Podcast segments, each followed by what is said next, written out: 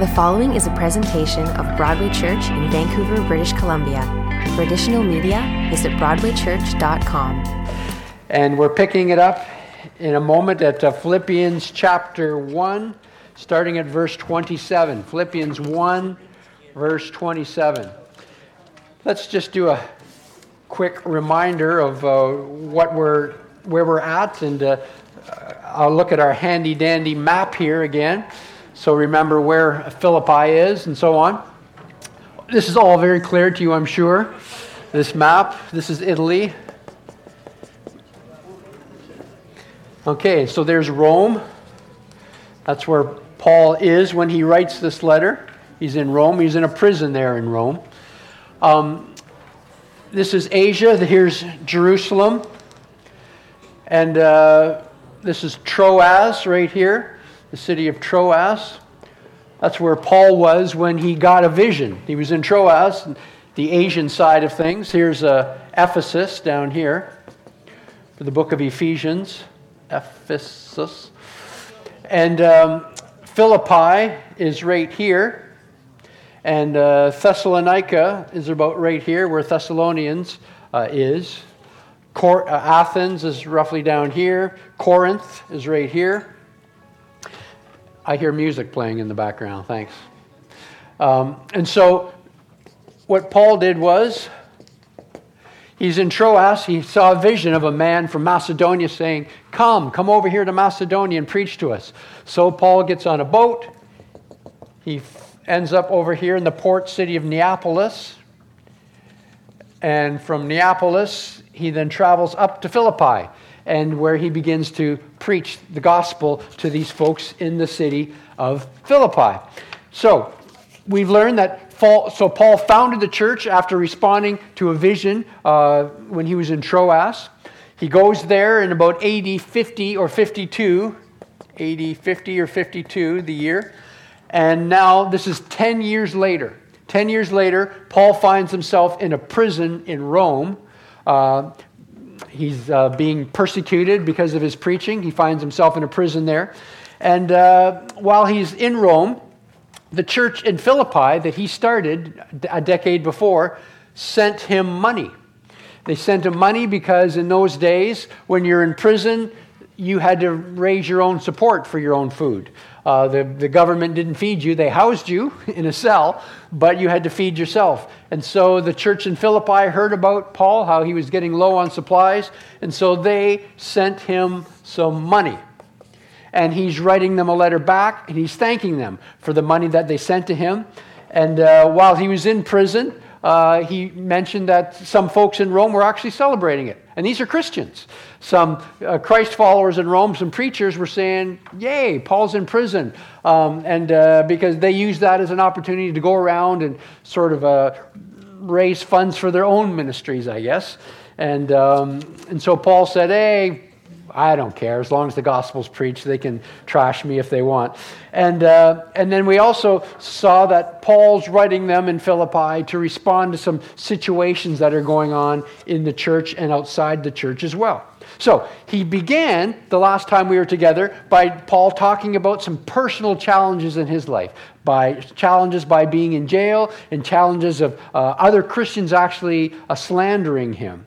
And uh, now he turns from addressing his own personal challenges to addressing the challenges that the Philippians themselves were facing. And we've likened this when you have a reading a letter in the New Testament, we said it's a lot like listening to half of a phone conversation. That's the illustration we've used. When you're listening to half a phone conversation, you're trying to figure out what the person is saying on the other line. Even though you can't hear their voice, you can kind of piece it together by how the person you're listening to, how they're responding. Okay? And that's sort of what we're doing uh, within book of Philippians. We're pretty well be able to figure out what's going on in Philippi by what Paul is saying in this letter. So we pick it up in uh, chapter 1, uh, verse 27. Let's just read from verse 27 to 30. Paul says, So whatever happens, conduct yourselves in a manner worthy of the gospel of Christ then, whether I come and see you or only hear about you in my absence, I'll know that you stand firm in one spirit, contending as one man for the faith of the gospel, without being frightened in any way by those who oppose you. Now, this is a sign to them that they'll be destroyed, but that you'll be saved, and that by God. For it's been granted to you on behalf of Christ not only to believe on him, but also to suffer for him, since you're going through the same struggle you saw I had, and now hear that I still have. So, as it says on your outline, we can get a, a sense of what's going on in Philippi when Paul wrote this letter. It says, as your outline says, uh, that they were facing some form of opposition from the outside. Um, I don't think that's a blank for you. It's already filled in in the box at the top of your outline. So they were facing some form of opposition from the outside.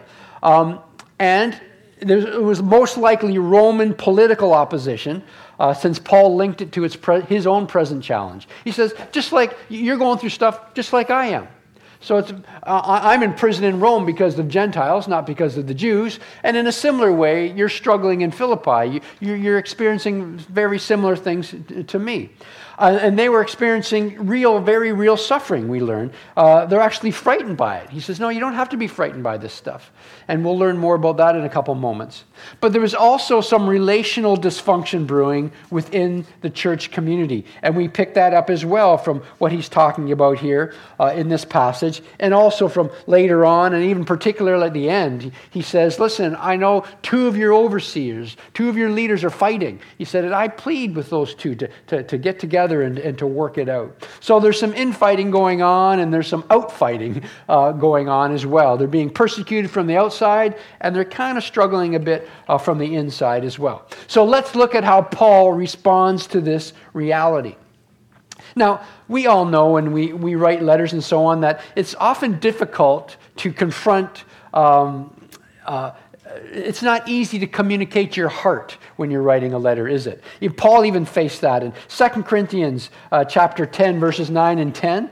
Remember, it said this about him. Paul said, I don't want to seem to be trying to frighten you with my letters. For some say, ah, his letters are weighty and forceful, but in person, he's unimpressive, and his speaking amounts to nothing. Paul says, I know what some of you are saying about me in Corinth. He says, they say, oh, yeah, he writes a mean letter, but have you ever heard him preach? He's a lousy preacher. He's boring. Paul says, well, I know that's the rumor there in Corinth. So Paul knew what it was like to try to communicate um, properly and communicate his heart through a letter. And he acknowledged it's not an easy thing to do. So in today's passage, Paul's trying to speak carefully but bluntly that's the way, by the way, we, you know, if you have text or something, you use a lot of emojis, you know, or little pictures, you know, when you say something and you have a little wink afterwards or a smile afterwards, you're trying to communicate, I'm just joking, or I'm not really angry, or, you know, because when you just have the words, it's hard to communicate with just words. And what Paul's trying to do here is he's trying to speak carefully but bluntly. Um, so, verse, by the way, verse 27 to 30, what I just read, is one sentence in the original Greek. Paul does it again. He did that in Ephesians, remember. So this is all one long run on sentence. Uh, let me read it again. This is all one sentence. Whatever happens, conduct yourselves in a manner worthy of the gospel of Christ. Then, when I come and see you or only hear about you in my absence, I'll know that you stand firm in one spirit, contending as one man for the faith of the gospel, without being frightened in any way by those who oppose you.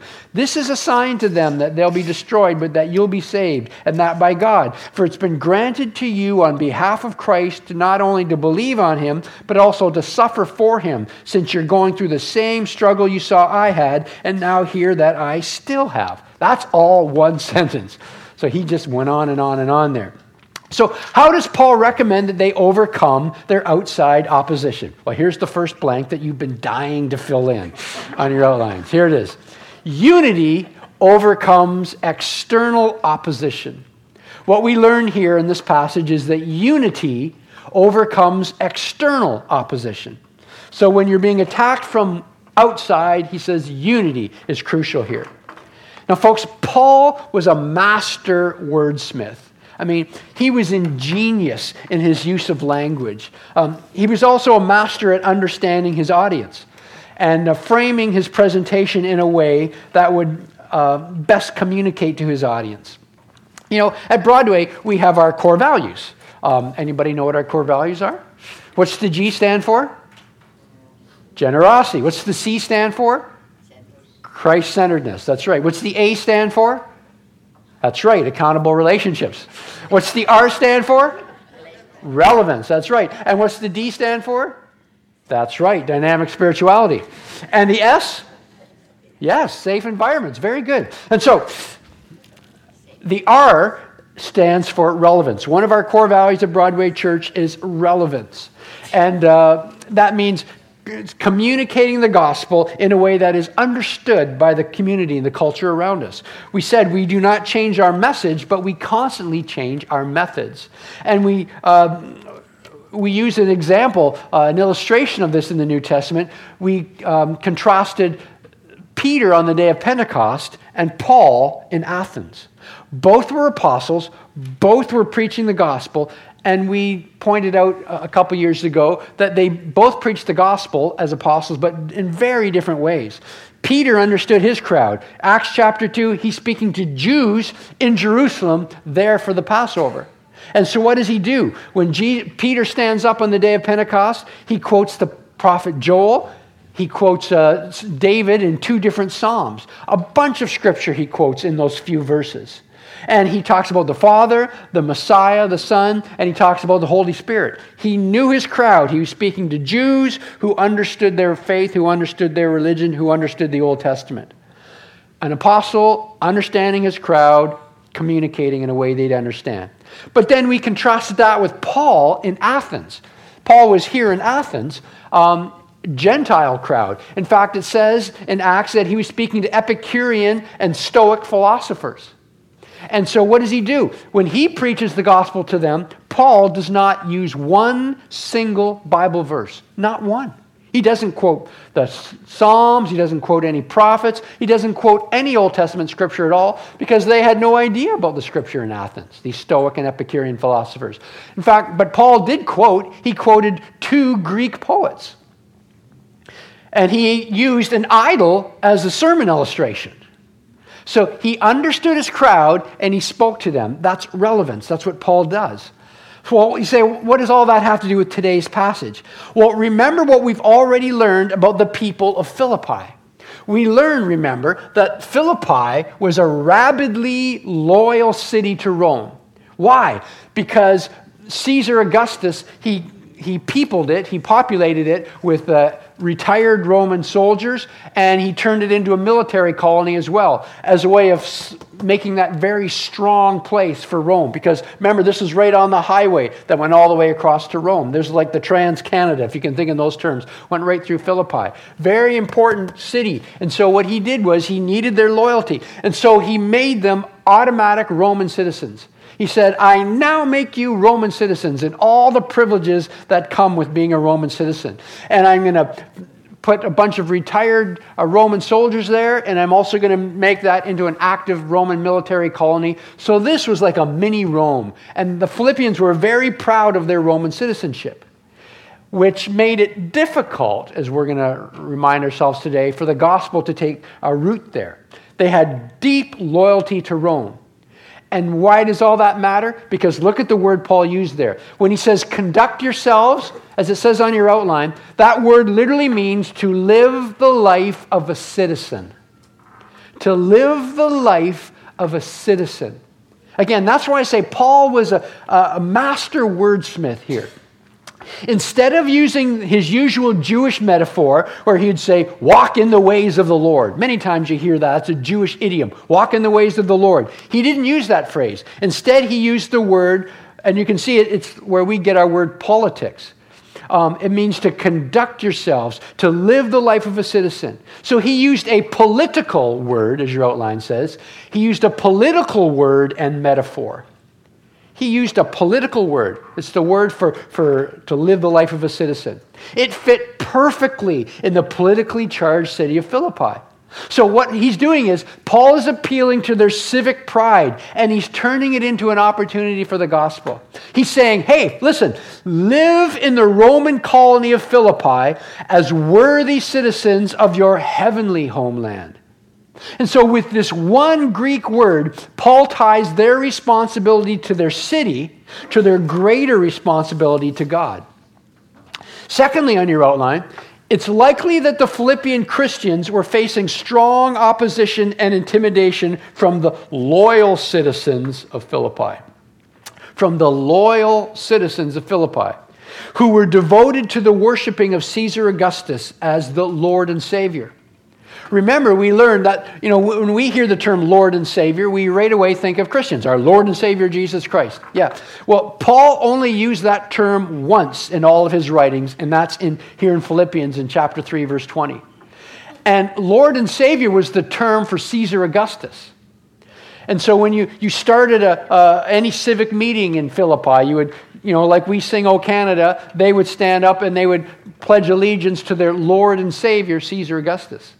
And so uh, when the, the Christ followers said, No, Jesus is our Lord and Savior, boy, that caused real problems in Philippi.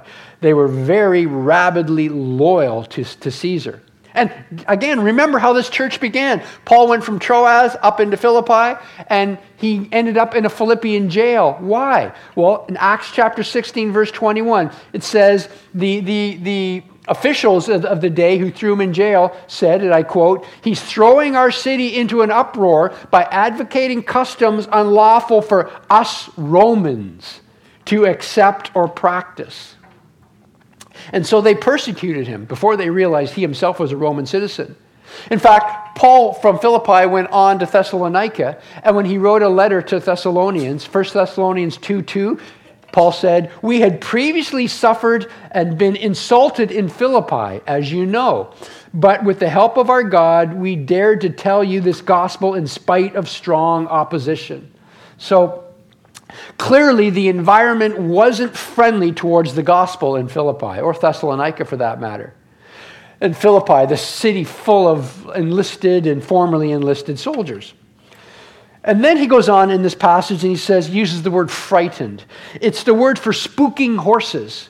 Uh, it means to be startled, to be thrown into a turmoil, or to be intimidated.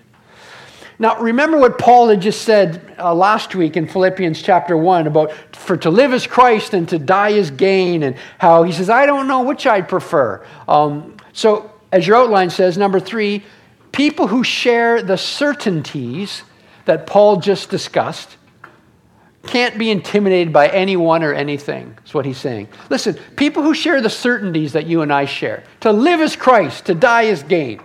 Um, I don't know which is better, to, to be remain in the body, to be absent from the body, to be present with the Lord. Well, you know, I'd, I'd rather be absent and present with the Lord, but I, I think it's better if I stay in my body right now so I can help you folks here on earth.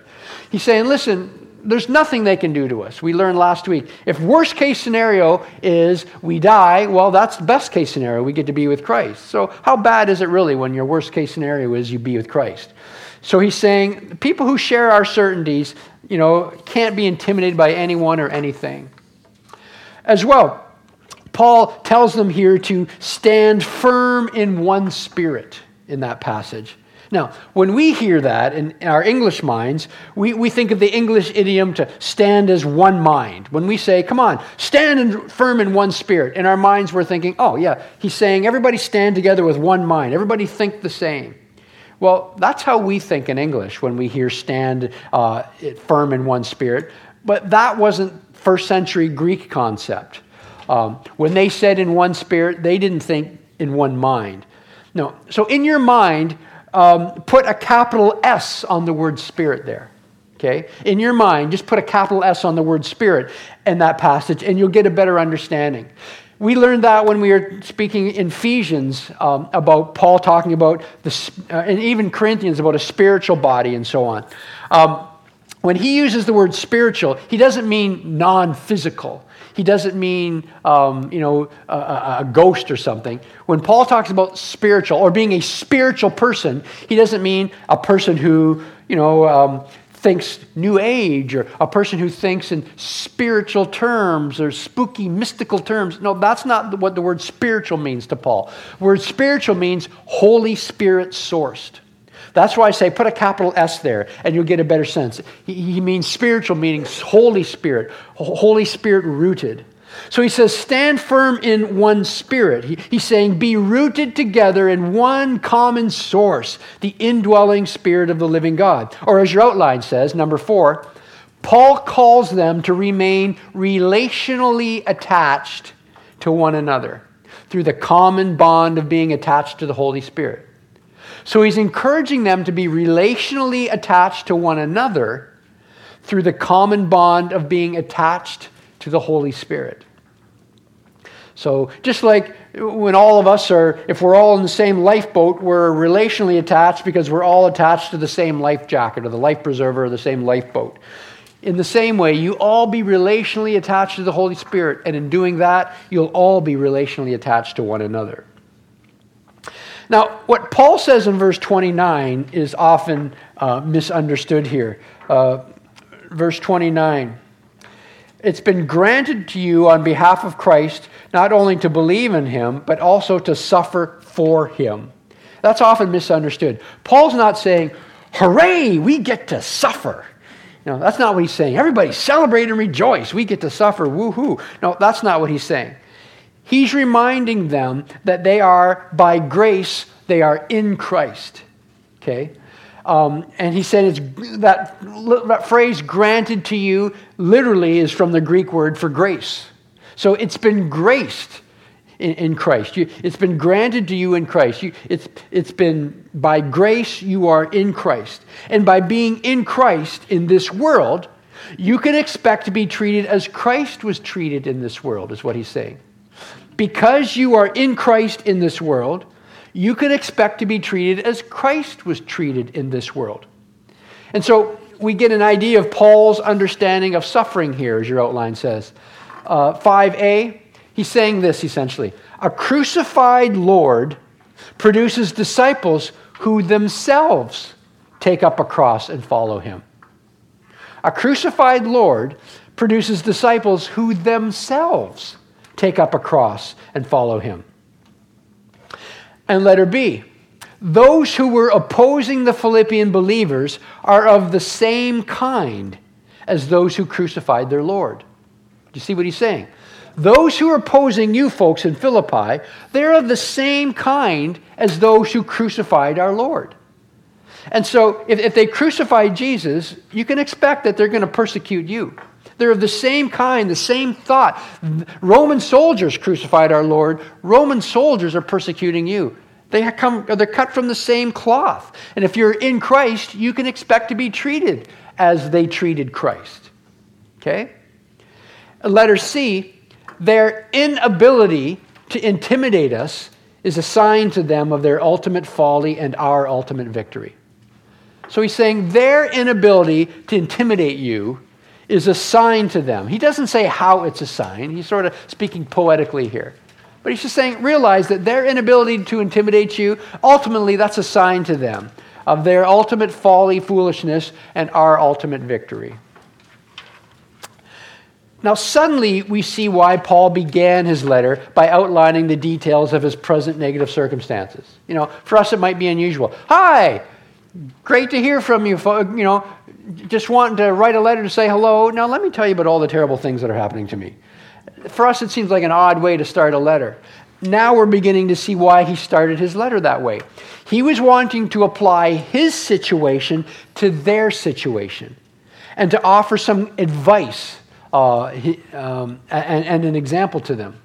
But here's the bottom line. The bottom line from that first portion, verse 27 to verse 30 of today's passage, is this Paul is saying this.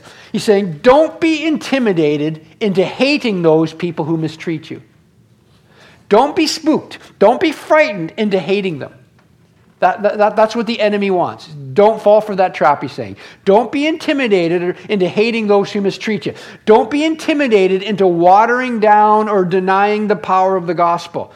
Be grounded together in the Spirit of God and love your enemies to death if necessary. Love them even if it means you dying.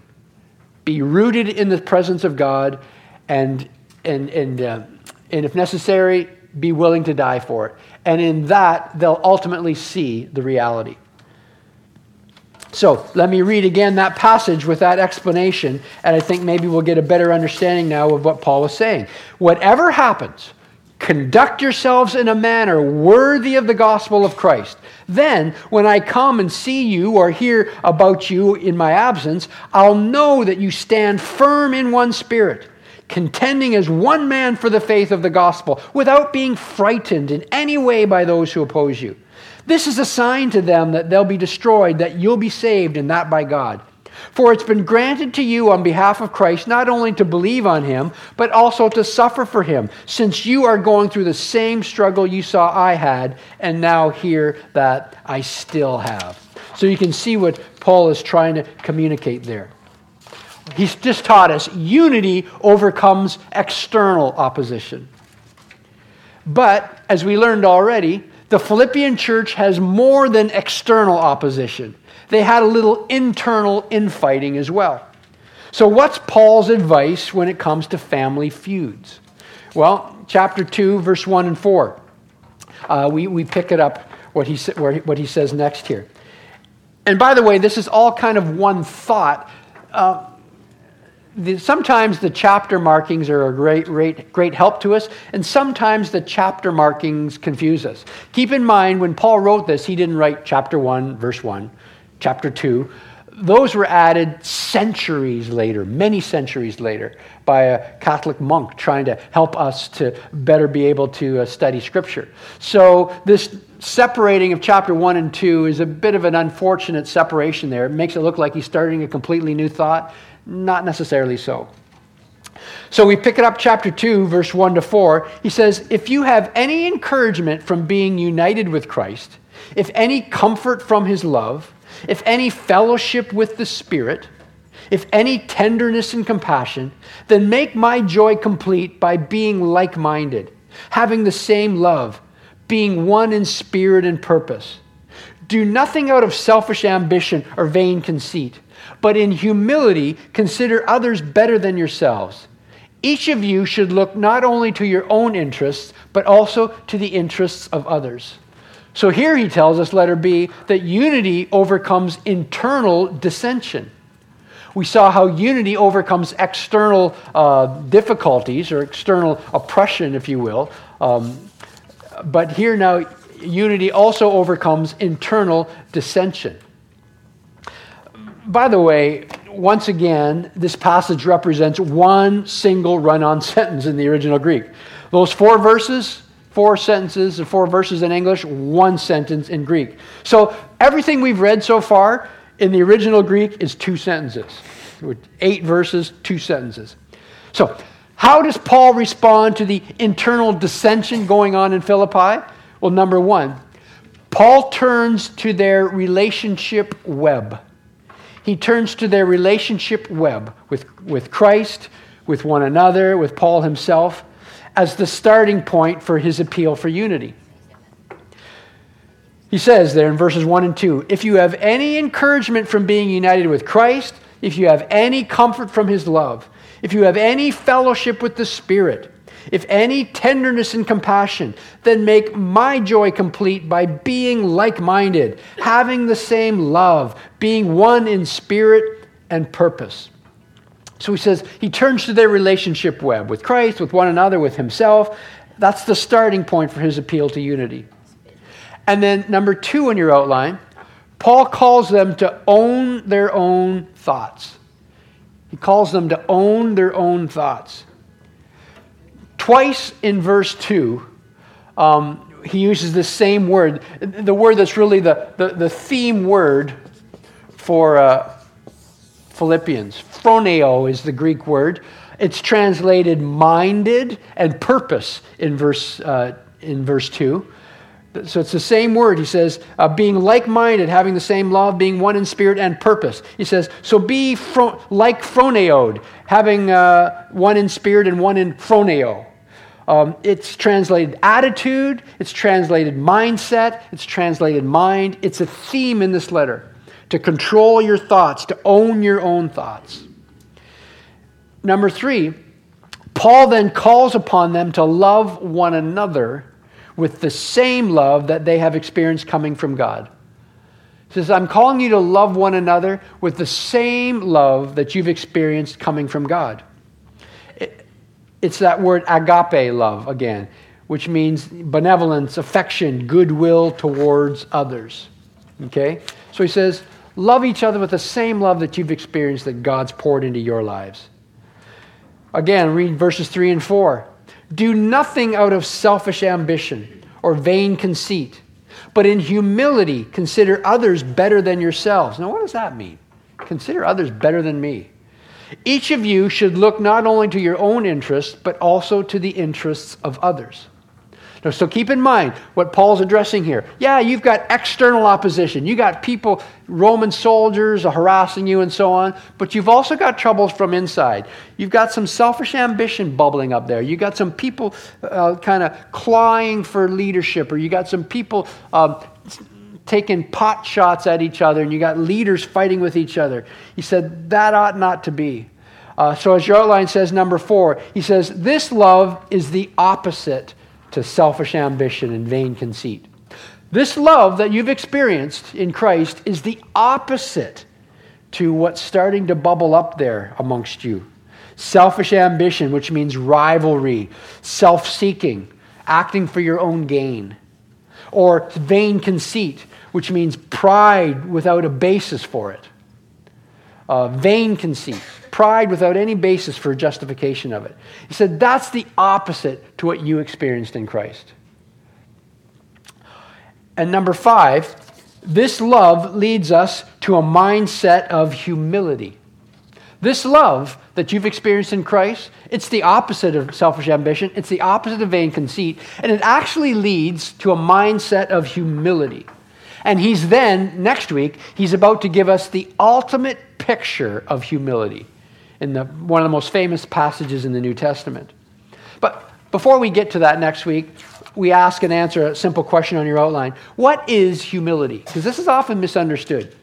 First of all, as your outline says, humility is not false modesty. Humility is not false modesty. You know, oh, I'm no good, I have no skills. That's like when someone, you know, you walk up to someone, they've just sung a beautiful song. Or maybe you're, you're a singer and, and you've led in worship or you've sung a song and someone walks up to you afterwards and they say you did a beautiful job with that song. And you think to be humble you have to say oh no i didn't. No I'm, I'm just i'm not a very good singer. And you think that's humility. That's not humility. Okay? It's not false modesty. If you were a terrible singer they wouldn't have had you sing. Okay? Truth be told.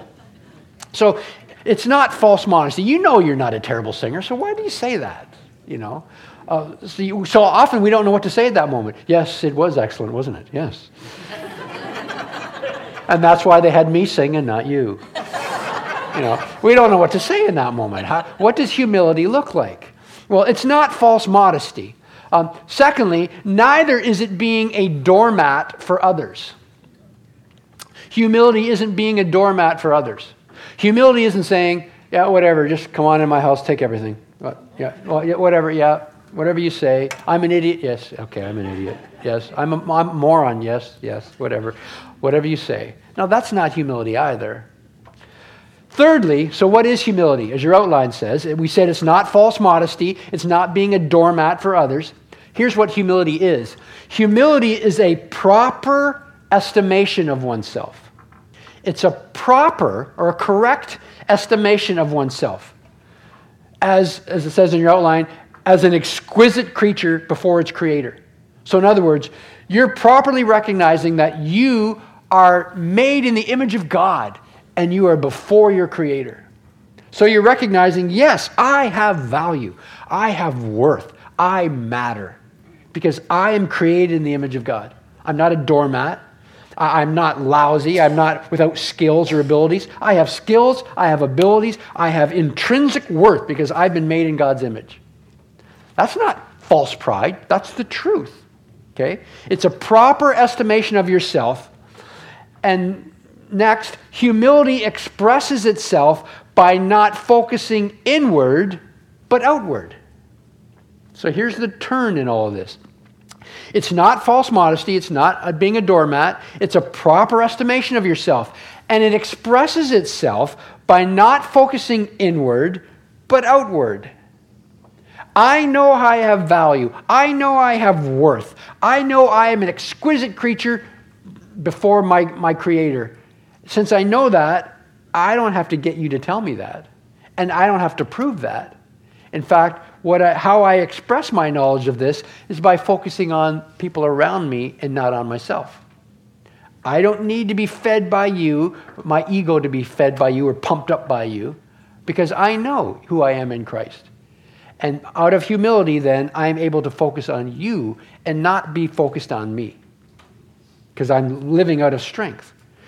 And the last blanks in this box, it's not that we ignore our own needs, we're simply not consumed by our own needs. See the difference? It's not that we ignore our own needs, we're just not consumed by them. Because notice something. When we look at that verse, what it says and what we hear are often two different things. Paul did not say, each one of you should not look to your own interests. He didn't say that. He did say, each of you should look not only to your own interests, but also to the interest of others. You see that? Whenever I fly, I, I think of this now because it's, it's sort of uh, counterintuitive. When you're flying, and they always give you the, the airline spiel beforehand, and they say, you know, in case of the sudden loss of unlikely loss, they always say unlikely, or sudden loss of cabin pressure, you know, an airbag will fall down in front of you, an oxygen mask, take it, pull it, and strap it on, and uh, breathe normally, you know, and the bag will inflate or might not inflate. Doesn't mean it's not working. And then they always say this always put your own on. If you're traveling with children or infants, put your own on before you put on your child's. And when they said that once, and I thought to myself, now that's counterintuitive. As a parent, we would think, oh, first I need to help my child because it would be selfish for me you know, to help myself first while my child's going, uh, uh, can't breathe. You know, it'd be selfish of me. I should do my, uh, my, my child's oxygen mask first. Why do you think they tell you to put yours on first? Because you are no good to your child if you can't breathe. It's a similar dynamic here. There's not saying don't look to your needs, but just to the needs of everyone else. Truth be told, if you just looked to everyone else's needs and didn't take care of your own needs, you would burn out. You'd ultimately be no good.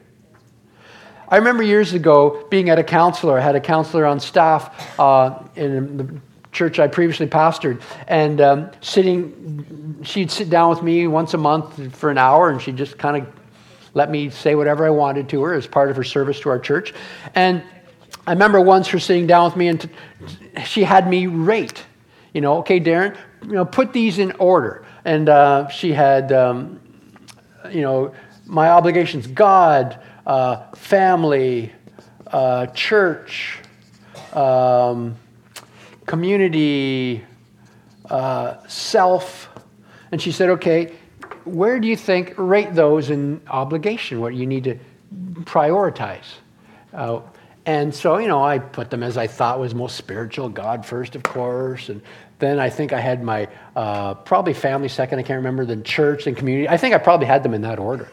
And putting myself last. And that, to me, that was probably a very spiritual thing to do. And, uh, and she said, no. She said, self should be number two.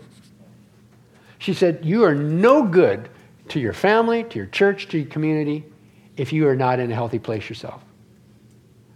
I thought, whoa, that does not sound spiritual at all. But it's the truth. And so Paul's not saying here that don't look after your own needs. He's saying humility is humility is not just looking not only to your own interests, but also to the interests of others. So, Paul isn't talking about seeing other people as more valuable than you. He's talking about seeing other people as valuable to you. I'm going to say that again. He's not talking about seeing other people as more valuable than you. He's seeing, talking about seeing other people as valuable to you. He's saying that we should place the needs and concerns of others as a high priority in our lives. That's the ongoing tension of love. It, it, it's not a, the old saying, it's not a problem you solve, it's a tension you manage. So you're always managing this tension. How much attention should I pay to my own needs? How much attention should I pay to the needs of those around me? It depends on where you're at in your life sometimes, you know. If you're sick and you're in the hospital, you need to pay attention to your own needs. and not rip out the, you know, the IV and go out and preach to the people in the lobby, you know, because you think that's a spiritual thing to do. No, you're, you're, you're sick. You need to pay attention to your needs. But there are other times when, yes, you go and visit the sick and help the, the, the poor and so on because your needs, you're in a place of strength, you can do that. So the, the, the, the tension that you're always managing is understanding where you are at any given moment in your life.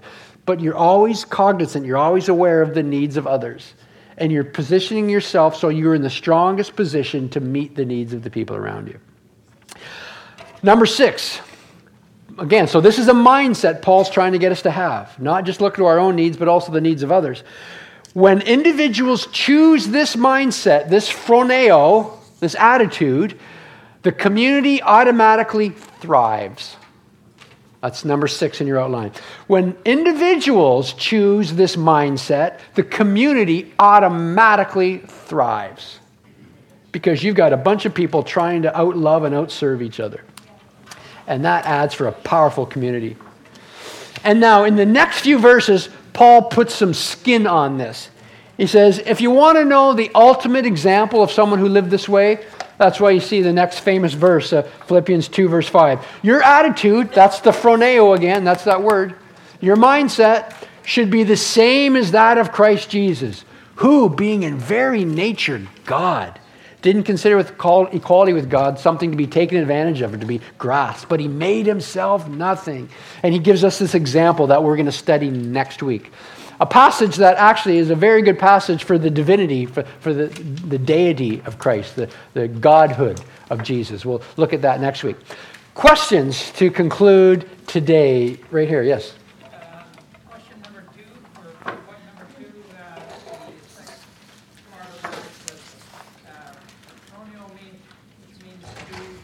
Oh, did I not?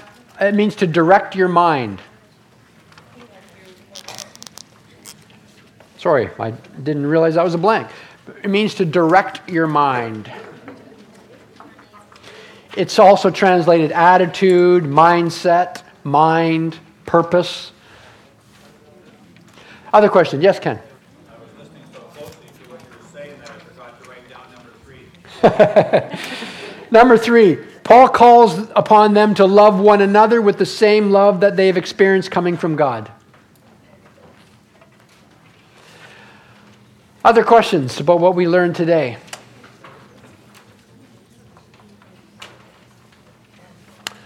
All right, folks. God bless you. Next week, we will move on to one of the most famous passages in the New Testament Philippians chapter 2, starting at verse 5. An incredible passage, one of my favorite. God bless you. Thank you for being here today.